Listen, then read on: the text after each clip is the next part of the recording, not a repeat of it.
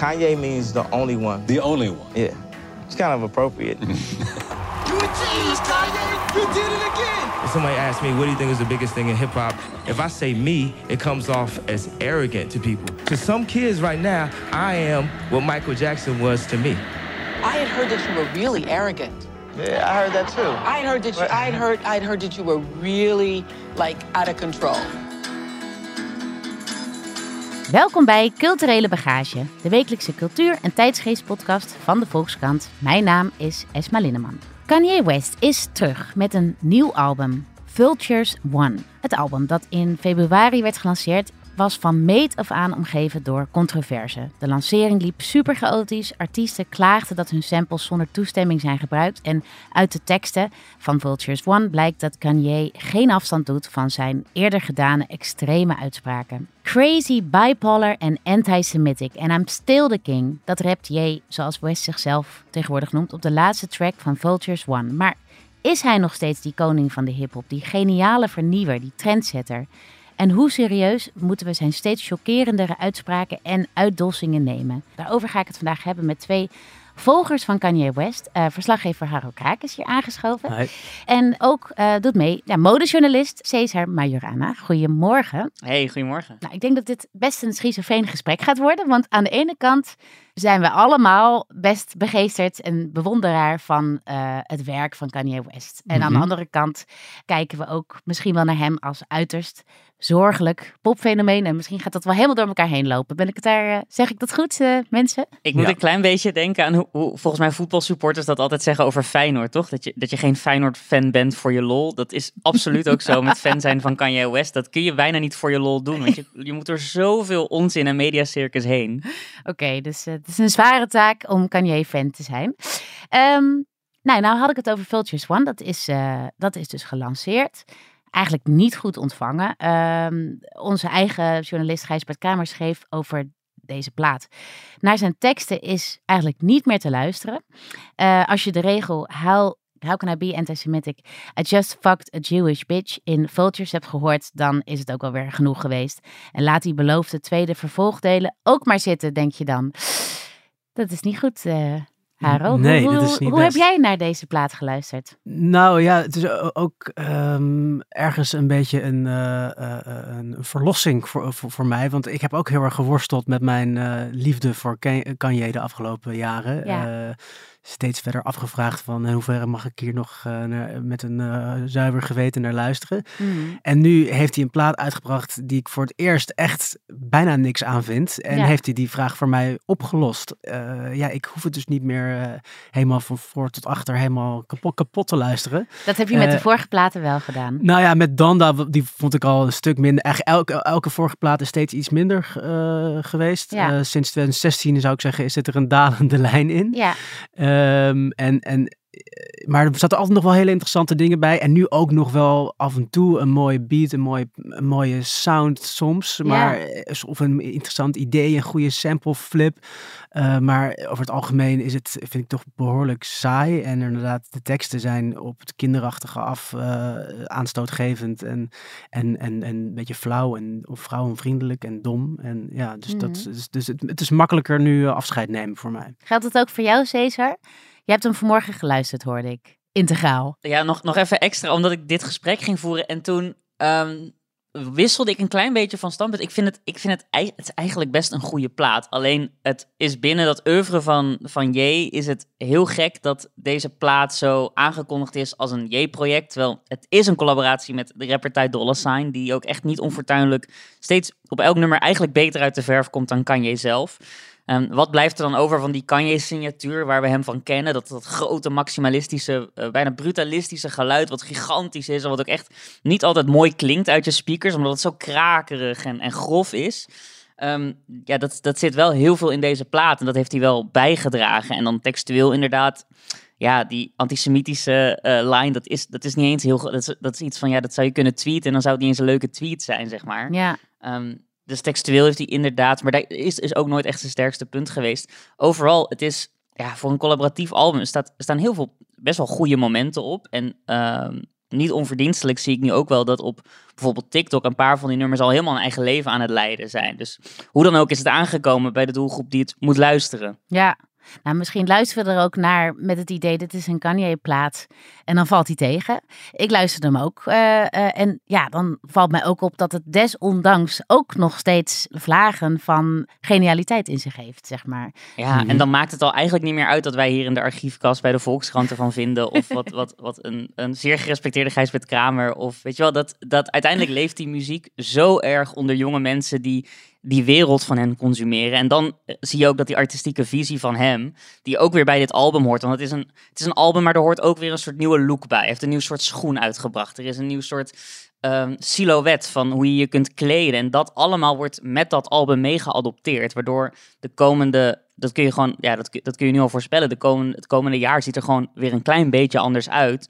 Door deze culturele gebeurtenis. Door Kanye En West eigenlijk. Dat hè? gebeurt in, Ja. ja. zeker. En dat gebeurt in, in, in, in, in alle hippe clubs van, van de wereld zo'n beetje. Wordt dit zo meteen echt een moshpit eh, plaat. Er zitten wel dat soort momenten tussen. Nou ja, ik zei al in mijn intro van wij kunnen er misschien eh, kritische kanttekeningen bij plaatsen, maar eh, de plaat is gewoon op nummer 1 binnengekomen. Ja. Hadden jullie Ja, dat, dat ook, verwacht? Had jij dat verwacht? Ehm, ik denk wel dat ik wel ik had wel een hit of zo ervan verwacht, maar dat Ja. hele album staat echt op één. Hè? Ja. Dus dat is, dat is wel, vind ik wel heel bijzonder. ja, Ehm, laat zien dat hij gewoon een enorme fanbase heeft. ja, Ja. eh, ja, die hem vergeven ook, denk ik. Ja, nou waarvoor ze hem allemaal moeten gaan vergeven, daar gaan we het nu over hebben. Maar eerst wil ik eigenlijk nog even stilstaan bij ehm Kanye als artiest. Want nou ja, Cesar die schetste net al dat hij een ongelofelijke invloed heeft geha- gehad en nog steeds heeft op de popculturele, ja, op de popcultuur eigenlijk.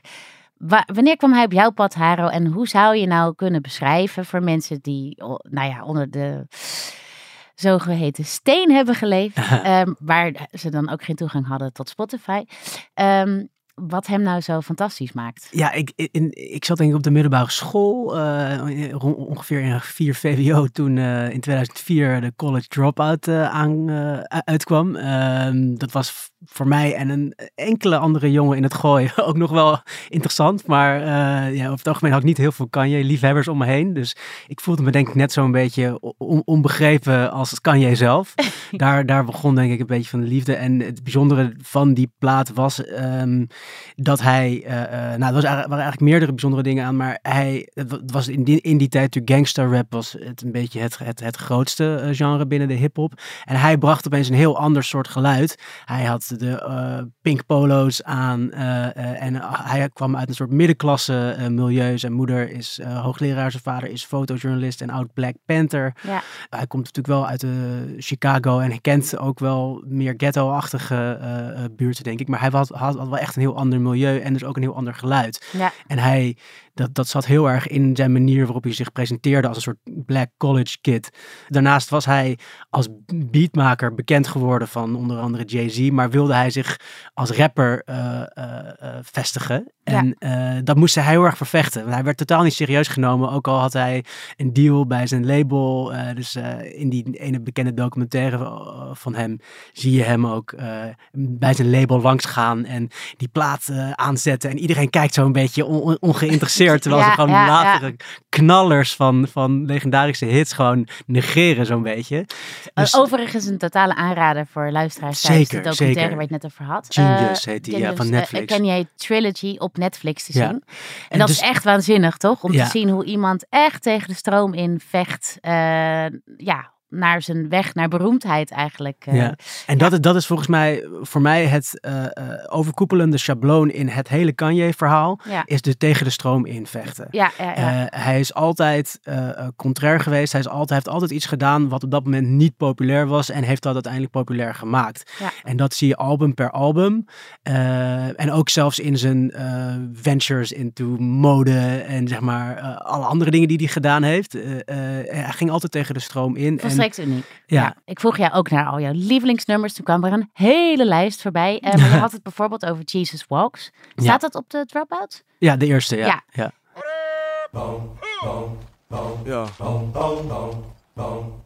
We at war. We at war with terrorism, racism, but most of all, we at war with ourselves. Show me the way because the devil's trying to break me down. Want eh, ik begreep dat Jesus Walks, dat hij ook was gewaarschuwd van ja, met zo'n naam, daar ga je echt eh, de kids niet mee, eh, weet je, die ga je daar niet mee overtuigen, Jesus Walks. Maar dat werd gewoon een hele vette hit. En Ja. een soort gospel. Inderdaad, dat, dat, eh, ja, later is hij nog, nog meer in de heren gekomen. Maar Ja. dit was eigenlijk al zijn eh, coming out als, eh, nou ja, of als, als christen, maar ook als dat hij zichzelf als een soort Jezus zag. Hè? Ja, en in die documentaire zie je ook hoe die mensen probeert te overtuigen van hoe goed dit nummer is. En dat die andere rappers erop wil, Scarface wil die erop hebben. En het is heel moeilijk, blijkt, om, om ze te overtuigen. Ze zien niet en allemaal meteen de potentie ervan in. nee. Wat ik ook wel kan begrijpen, want ik bedoel, het, het ja, hip-hop ging op dat moment nog over iets heel anders dan over dit geluid, toch? Dat is ook zo, ja. ja, En Kanye staat er ook heel erg om bekend dat hij, eh, nou ja, zich laat inspireren door allerlei verschillende genres en niet bang is om, ja, samples te gebruiken uit de klassieke muziek of uit Mhm. de techno, zeg maar. Toch? Ja, ja, ja. Ja. Ehm, ja, dus hij begon heel erg met de soul eh, samples vroeger. En op een gegeven moment ging hij over op een soort van de dance muziek. Hij heeft die bekende eh, Daft Punk eh, sample van Stronger. Ja. Harder, Better, Faster, Stronger. En dat is ook heel nieuw toen dat zeg maar, de dance muziek zo'n hoofdpodium kreeg in de hip-hop. Ja, later werd dat een veel groter, Ja, breder. Heel, heel subgenre zou je kunnen zeggen.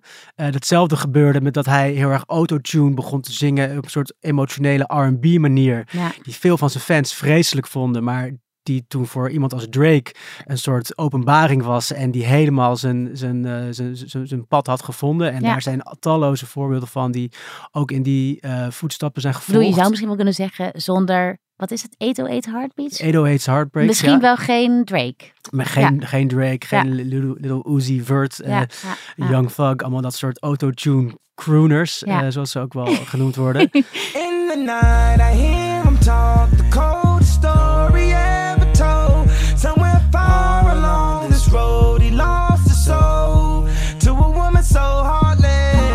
Eh, Ja. vinden sommige mensen nog steeds vreselijk, maar Ja. het is wel een van de grootste stromingen binnen hip-hop. Ja. En La- dat industriële geluid wat hij gewoon durft te gebruiken. Bijvoorbeeld in Onsite. Yeezy season approaching. Fuck whatever y'all been hearing. Fuck what, fuck whatever y'all been wearing. A monster about to come alive again. Soon as I pull up and park the Benz, we get this bitch shaking like Parkinson's. Take my number. Ja, het mooie hiervan vind ik dat eh, hij dus net die perfecte popplaat, zoals hij het zelf noemde, had uitgebracht. eh, My Be- Beautiful Dark Twisted Fantasy. En toen kwam zijn volgende album. Iedereen zat er enorm naar uit te kijken. En dit- dit waren de eerste tonen van dat album. En ik Ja. denk dat heel veel mensen echt dachten van, wat de fuck gebeurt hier? Het doet een beetje pijn in mijn oren. Maar het is ook wel, ja, als je het echt meer gaat luisteren, wordt het toch ook wel heel vet. En Ja. pakkend.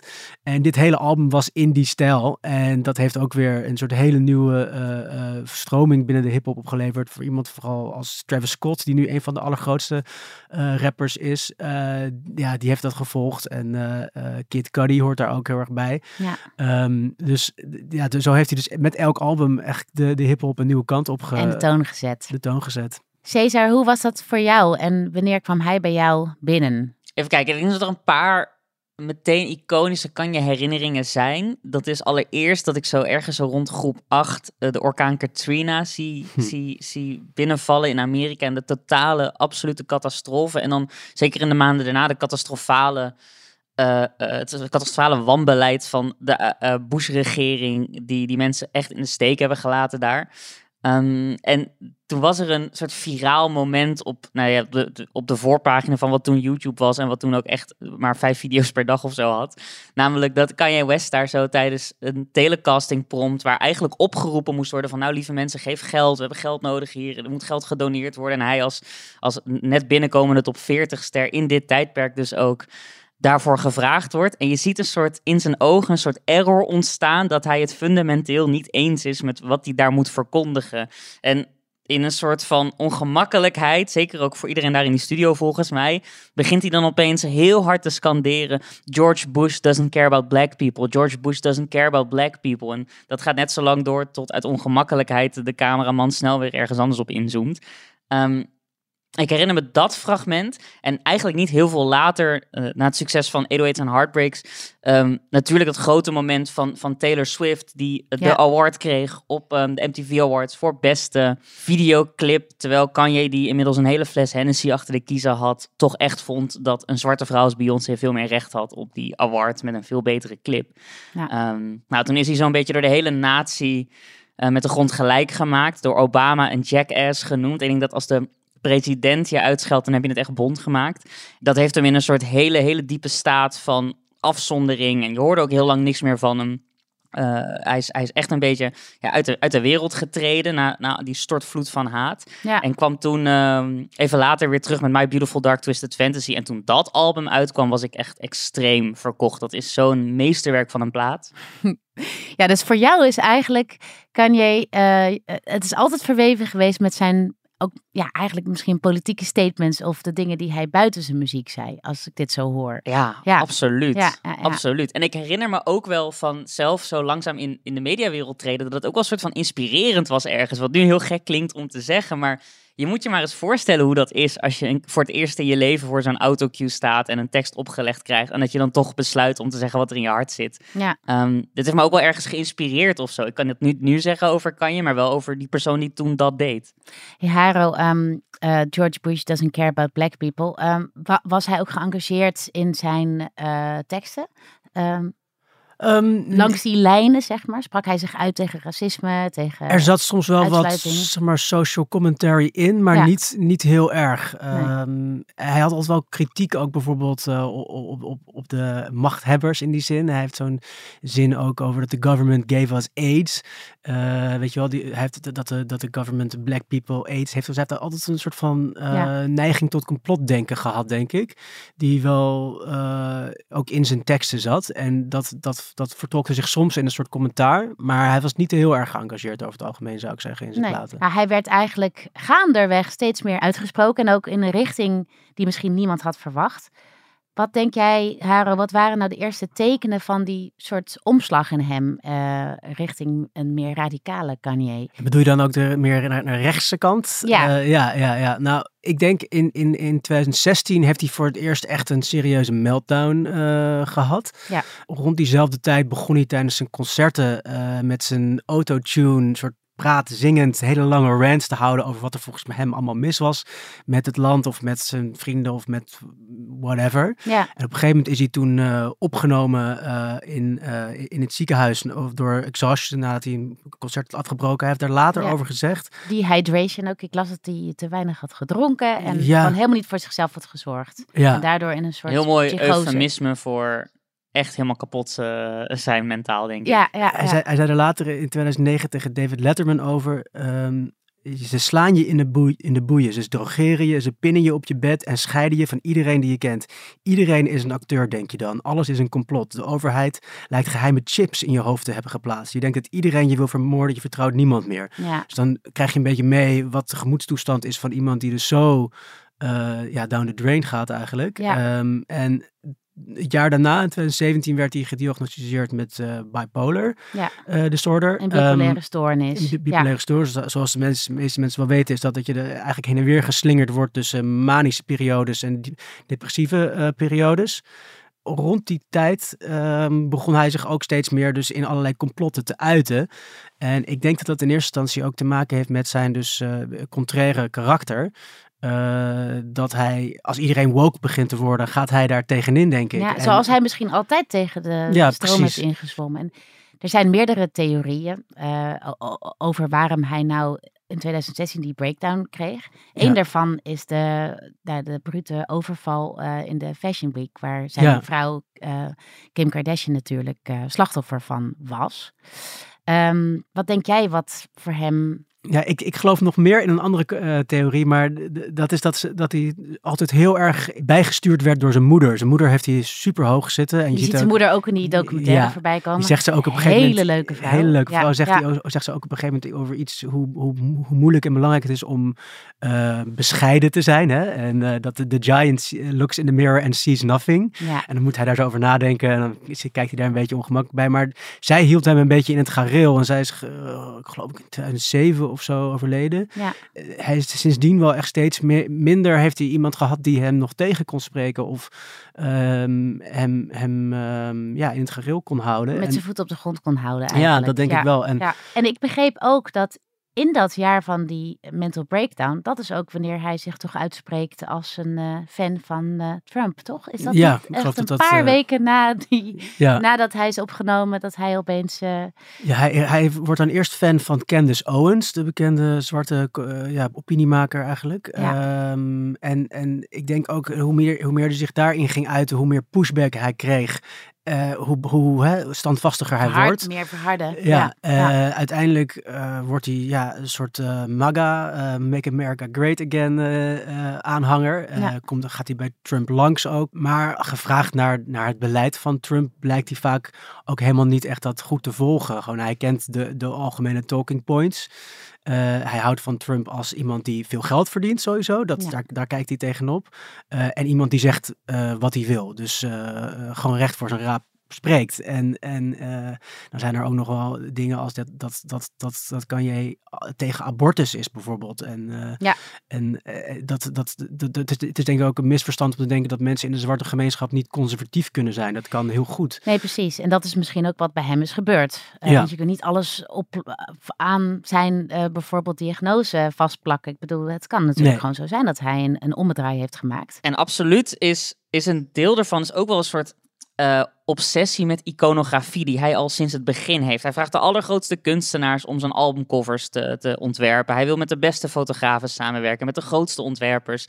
eh, omdat hij de kracht van iconografie best wel goed begrijpt. Ja. En ik heb wel al voordat die Make America Great Again pet op zijn hoofd te zien was, eh, was hij al bezig met het eh appropriaten van de Confederate flag. Dat was voor hem een heel belangrijk ding. Hij dacht van als ik nou die vlag van dat segregeerde ooit Amerika me kan toe-eigenen, dan is dat beeld onschadelijk. Dan los ik dat probleem daar maar een, een beetje mee op. En ehm, ja, dat, dat is natuurlijk een heel moeilijk spel, want je kunt je gaan afvragen, ben je een, een beeld aan het toe-eigenen als je het verder verspreidt? Of ben je gewoon letterlijk dat beeld verder aan het verspreiden? En dat gebeurde ook met die pet op. Het was, het was natuurlijk eigenlijk ook een iconisch beeld. Als je een zwarte man met een pet die voor heel veel democratische Amerikanen werd gezien als, als, als het symbool voor haatdragend eh, openlijk racisme. Als je met die pet als zwarte man de deur uitstapt en zegt van nee, maar nu is het mijn pet. Alleen ja, het, het, het heeft een hele, hele grote verwarring opgeleverd. En ik denk dat het hem zelf op een gegeven moment ook niet meer duidelijk werd waarvoor hij dat nou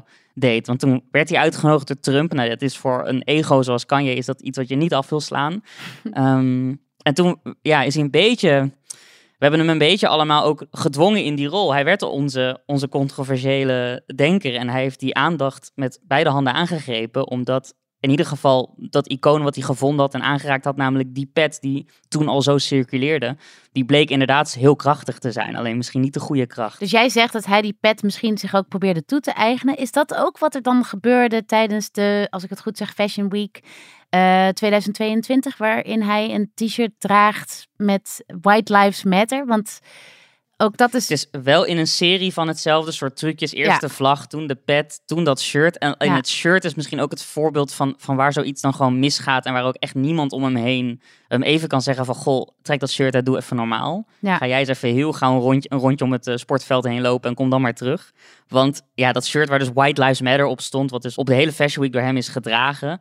Dat was sowieso weer geen bestaand object, waardoor het ook ongemakkelijk werd. Ja, je hebt het shirt zelf gemaakt, weet je wel. Je hebt niet een iconische rode pet gekocht en hem zelf opgezet. Je hebt een shirt gemaakt waar een leus op staat, die tegenhangers van Black Lives Matter heel graag bezigen. Nou goed, ehm, Kanye West werd dus eigenlijk steeds extremer in zijn uitspraak. En ik denk dat, eh, dat een uitspraak en een interview dat hem echt duur is komen te staan, eh, is een, eh, een gesprek bij Infowars met complottheorist Alex Jones, waarin hij ja, eigenlijk gewoon zei, dat zei hij, ik hou van Hitler. Toch, Haro? Ja, dat is Ja. eigenlijk te bizar voor woorden dat de voice of reason daar Alex Jones was, die nog tegen hem zei, but you're not a Nazi. En dat hij zei, but I see good things in Hitler. En Ja, toen ja. bepaalde dingen begon op te sommen. En, en ik zou dat graag wijten aan zijn gekte, maar dat kan je toch niet echt volhouden. Want hij heeft daarna, eh, in die, in die maanden daarna, heeft hij meermaals eh, eh, allerlei antisemitische teksten online gezet. Heel vaak gaat dat over, zeg maar, de, een, een machtige Joodse... eh, complot eigenlijk in de cultuur. Hè, wat je vaak hoort over Hollywood en al dat soort dingen. Hij heeft Ja. het over Jewish platform Disney en al dat soort dingen. En dat lijkt hij toch wel echt te vinden en vol te houden. Ook al eh, heeft hij niet heel Af en lang... toe neemt hij dat even terug. ja, hij, maar heeft, hij, heeft, hij heeft onlangs een tijdje geleden heeft hij op Instagram een soort apology eh, gezet daarover. in het Hebreeuws. in het Hebreeuws, maar of dat nou zo sterk overkwam, weet ik niet. En Nee. nou ja, op, op, op zijn plaat die vlak daarna uitkwam, zei hij weer dus van die vreselijke dingen die we net al geciteerd hebben over een Jewish bitch. Ja, Ehm, ja. Dus ja, ik, ik vrees dat dat toch wel vrij diep in hem zit en ook te maken heeft met zijn neiging tot complotdenken. Dus jij, eh, jij zegt eigenlijk, ja, we moeten hem daarin op een gegeven moment gewoon serieus nemen als hij dat soort uitspraken doet. Ja, serieus Ja. nemen en niet zomaar vergeven. Ja. Ja, nou, ik zei al net, het kwam hem duur te staan. Want Caesar, hij, eh, eh, eh, hij had allerlei samenwerkingen, eh Kanye, bijvoorbeeld met Sterker Adidas. nog, Ja. hij, had, hij had de grootste, meest succesvolle samenwerking eigenlijk ooit in de geschiedenis van mode. Hij Ja. heeft de grootste deal met Adidas gesloten. En eigenlijk met die deal en de, de Yeezy-lijn, die dus in collaboratie met Adidas geproduceerd werd, heeft hij het hele straatbeeld van wat we dragen veranderd. En het zal niet meteen eh, wat, wat de luisteraar nu draagt zijn. Maar loop een, gemiddeld, eh, loop een gemiddelde supermarkt in Etteleur of, of in Alphen aan de Rijn of waar je ook bent binnen. En je zult ongetwijfeld een kledingstuk zien wat op een manier permanent veranderd is door de invloed van eh, Kanye West. Ja. En die invloed die, die heeft hij nog steeds, durf ik te zeggen. Maar die deal met Adidas bijvoorbeeld is voorbij. En wat Adidas dan wel weer heel slim heeft gedaan, is ze houden natuurlijk zijn designs wel een beetje met wat aanpassingen op de markt. Ja. Eh, want daar kunnen ze geen afscheid van nemen. Maar ja, Zij moesten echt afstand doen van die antisemitische uitspraken van hem, toch? Ja, je komt daar niet mee weg. Als, als, en, het, en het lijkt me ook gezond om, om, om consequenties te verbinden aan zulke uitspraken. Ik bedoel, laten we wel wezen, dat, dat mag ook wel eens een keer. Ja. Dus het heeft hem veel gekost. Anderzijds, je ziet ook een soort nieuw gevonden creativiteit. Hij is nu echt eigenlijk zijn oorspronkelijke droom aan het waarmaken van betaalbare kleding. ehm, vanuit zijn eigen distributienetwerken, zonder tussenpartij of partnership. En het was een, een stap die hij hiervoor misschien niet kon maken. We moeten ook wel ons goed beseffen dat toen hij, zeg maar, en dat zie je ook in die documentaire, maar überhaupt toen hij, zeg maar, als rapper met de specifieke kledingstijl die hij destijds had, een cardigan aan, een, een heel net koffertje van, van een Frans coutuurhuis. Hij, hij kwam heel erg gesoigneerd, kwam hij soms voor de dag in een tijdperk dat iedereen eigenlijk in oversized eh basketbalshirts liep ehm, en uh, achterstevoren petjes droeg. En eigenlijk vanaf toen al zijn de mensen met wie hij was, een, een Virgil Abloh, die hoofddesigner van Off-White werd, een, een, een, een hoofdontwerper of ex-hoofdontwerper van eh Givenchy, Matthew Williams, dat de, de, de jonge Heron Preston, een, een nog steeds hele veelbelovende designer die ook inmiddels een goed gevestigd eigen merk heeft. Hij heeft, hij heeft heel erg altijd met zijn vingertoppen aan het begin van veranderingen in de mode gestaan. Dus het zal hem zeker pijn hebben gedaan, maar het heeft hem ook weer creatiever gemaakt in dat hij dus nu wel weer zijn eigen merk aan het verder bouwen is, in plaats van nog meer miljoenen in het laadje, miljarden in het laadje van Adidas. En ondertussen hm, ja, dost hij zichzelf eigenlijk ook steeds eigenzinniger uit. Ik, ik weet niet precies hoe ik dat zou moeten beschrijven, maar het, lijkt op, het komt mij over als een soort SM-maskers die hij tegenwoordig veel al draagt in interviews. En ook als hij op straat loopt met zijn nieuwe vrouw, Bianca Sensori. En ja, die draagt eigenlijk bijna niks meer, behalve een, bijvoorbeeld een kussen voor de boezem of Ja, dat is een bekende look. Die is Ja. Ozzy Osbourne zelfs nog nagedaan voor Halloween. Ja, wat is die look in godesnaam? Waar kijken we naar? Want die, die beelden van hem en zijn vrouw, die...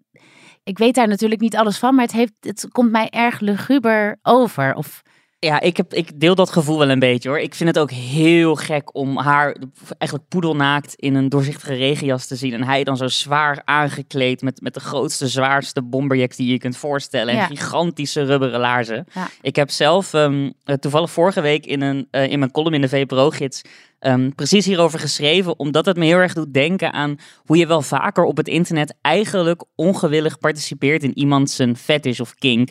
En dat gevoel krijg ik hier ook een beetje van. Er is een soort exhibitionisme ding gaande. Ehm, het is ook heel erg gelieerd aan een bepaald porno-genre, wat eh, clothed male, nude female heet. En wat bijvoorbeeld... ehm, Dus dat gaat over volledig geklede mannen en naakte vrouwen. Zeg je dat? ja, ja. Ja, ja, en de afkorting daarvan, CMNF, het is absoluut geen Google-tip, maar mocht je dat wel gaan opzoeken, dan zie je eigenlijk dat dit tafereel dus, ja, dit is een eigen, dit is een eigen stekje op in, in de porno-tube sites, Ja. Eh, want dit, dit bestaat al langer. En over zijn pornoverslaving weten we al langer. Daar heeft hij al eerder publiekelijk in talkshows en eh, eh, in interviews over gesproken. Ja. Ehm, dat is een last die hij draagt. Daar heeft hij verslaving. Het is zelfs zo dat eh, in een hele korte documentaire die hij ooit zelf heeft uitgebracht, te zien is hoe hij in een vergadering met een paar hoge pieven bij Adidas, halverwege de vergadering, opeens zijn iPhone tevoorschijn haalt en zegt van.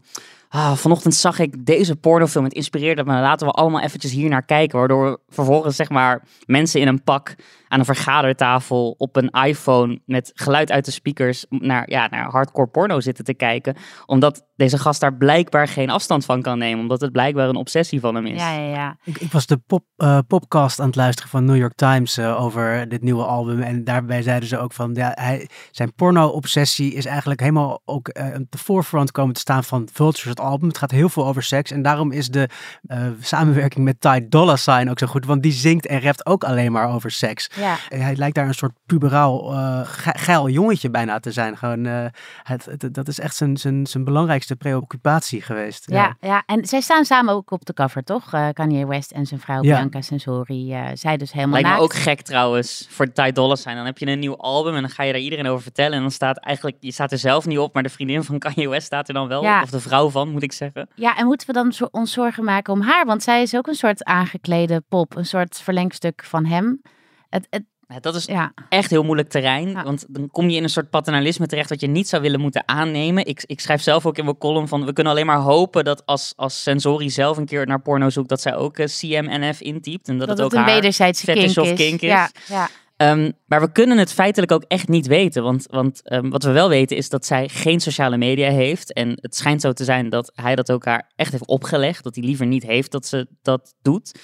Ehm, Dat klinkt al niet al te best, zou ik zeggen. Nee, dat is Nee, vaak het- wat het- we het- noemen een red flag, een rode vlag. ja, absoluut. En, en misschien is een andere, ja. nog wel grotere rode vlag van het formaat van de vlag van Zwitserland. Is dat ehm, hij ehm, eh, met, in zijn vorige relatie, en dat is ook best wel gedocumenteerd, eh, met de Kim Kardashian, heeft hij eh, aan het begin van hun samen zijn eigenlijk al heel snel tegen haar gezegd: Ik wil dat je alle kleding die jij hebt weggooit. En vanaf nu ga ik alles voor je goedkeuren en cureren wat jij draagt. En zij was daar blij mee en heeft toen eigenhandig zo'n beetje alle westerse vrouwen in beige eh slim-fitting kleding kunnen hijsen. Ehm, maar dat, dat is wel ook echt zijn, ja, dat, dat is de macht die hij blijkbaar wil hebben binnen zo'n relatie. En als dat consensueel gebeurt, laat hem die macht hebben. Ik denk dat Kim Kardashian absoluut blij is met de rol die zij nu heeft in de modewereld, want die had zij daarvoor niet. Ehm, maar het is wel inderdaad hoe hij relaties aangaat met mensen. Er was ook die korte relatie met Julia Fox. En van de foto's die we daarvan hebben en de interviews die zij daarover heeft gegeven, weten we ook dat zijn creatieve visie als kunstenaar, noem ik het nu even met een eufemisme, die strekt zich zo ver uit dat hij dus ook controle wil over wat de persoon die naast hem loopt draagt. Ja, ja. En dat, dat kennen we eigenlijk ook wel uit de, uit de popgeschiedenis van, van andere mannen. Zoals eh, bijvoorbeeld Elvis Presley, die zijn Mhm. vrouw ook als een pop aankleden. Ehm, maar goed, dat is zijn privéleven. Ehm, kan hij rehabiliteren? Kan hij die koning worden die hij zelf zegt te zijn nog steeds, of wil zijn? Krijgen we ooit nog weer eens een glimp van die genialiteit te zien op muzikaal gebied? Wat denken jullie? Ik, ik, ik heb er een zeer hard hoofd in. Ik denk dat het alleen mogelijk is als hij zich dusdanig weet te concentreren en een afproduct weet te, eh, eh, ja, eh, uit te brengen eigenlijk. Dat, Ja. dat, dan is er misschien nog wel een kans op. Maar, want hij heeft eigenlijk van 2004 tot 2016 een soort streak aan albums gedaan die iedereen geweldig vond.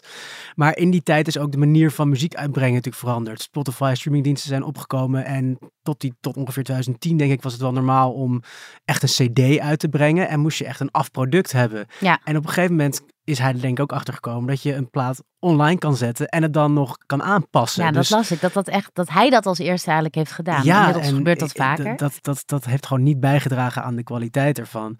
En hij lij- blijkt gewoon steeds kinderachtiger te worden, vind ik, in dat trollerige gedrag. Naarmate hij ouder wordt. Ja, Ja, dus daar, daar, daar maak ik me ook zorgen om of je uit die groef kan komen. Ja. Eh, want ja, hij zou toch wel iets meer introspectie dingen kunnen tonen en, en, en wat, Ja. wat, wat eh, iets andere thema's af en toe kunnen Dan de hele Ja. wereld is tegen mij. En daarom ga ik een White Lives Matter eh, dan in, shirt in, een, in een nummer. Elon Musk, R. Kelly en Bill Cosby eh ver- referencen om daar maar een beetje edgy mee te zijn, weet je wel? Hey, ja, ja. Wat denk jij, Cesar? Nou, ik moet eigenlijk denken aan. Ik heb dus een, een vriend van mij die een uh, Instagram-pagina runde. Een, een soort Kanye Daily-pagina. Waar elke dag updates over uh, wat er met ook in het Kanye-universum gebeurde te zien waren. Ik sprak die jongen laatst en ik weet dat inmiddels die, dat hij niet meer zelf zoveel bezig is met die pagina. Dat hij het volgens mij uit handen heeft gegeven. Maar ja, zo rondom de release van zo'n album is het dan toch weer. Dan leeft het een beetje. Dus ik hem vragen van goh zit je nou nog op te wachten op dat album en, en hoe kijk je ernaar? En dat hij tegen mij zei van, ik wil niet eens over beginnen joh. En ik kan dat gevoel, krijg ik ook steeds vaker nu. Het wordt zo moeilijk om zo'n problematische artiest, die ook zoveel steken laat vallen, en die ook het eindproduct, namelijk de muziek eronder, laat leiden, om daar nog enigszins hoopvol over te zijn. Dus ik, ik vrees dat we gelukkige albums hebben. Ja. En dat zijn wapenfeiten, die hebben permanent de popcultuur veranderd. Dat, daar zijn we het denk ik allemaal wel over eens. Maar of dat in de toekomst nog een keer gaat gebeuren, die kans wordt echt met de dag kleiner. Met, met elke antisemitische uitspraak sowieso eigenlijk minuscuul wat mij betreft. Nou, dank jullie wel voor jullie komst naar de studio. Dit was Culturele Bagage. Montage door Timon Hageman, eindredactie door Corine van Duin, Emily van Kinschot, Nathalie Denis en Julia van Alem. En ben jij nou podcastfanaat? Schrijf je dan nu in voor onze wekelijkse nieuwsbrief op www.volkskrant.nl slash podcastnieuwsbrief.